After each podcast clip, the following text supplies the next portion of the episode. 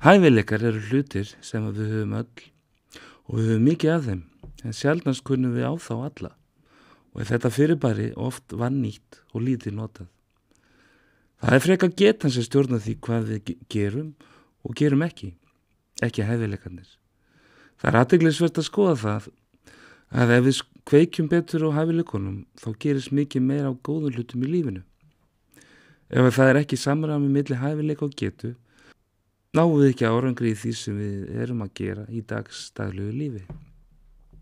Við skoðum nú sérstaklega orðið geta, en það líkur yfirleitt hundur um grafin. Ekki það að okkur vanti hæfileika. Við segjum óttið okkur sjálf. Við getum ekki hitt og kunnum ekki þetta, en það er ekki vegna þess að okkur skorti hæfileika til verksins. Þarna er getan að halda okkur niðri. Vonda tilfinningar og erfiðar upplefinni gera það að verkum að getan okkar verður lítil sem engin. Við þurfum að láta getun og hæfileikana vera samstíka en þá fara hlutinni líka gerast. Það er gott að velta því fyrir sér á hverju getan sé ekki meira hjá mér til þess að takast á við verkefni, dagsins heldur en raunber vitni. Í staðan fyrir að vera útúða sjálfum mér fyrir að kunna ekki hluti eða að hafa ekki hæfileika.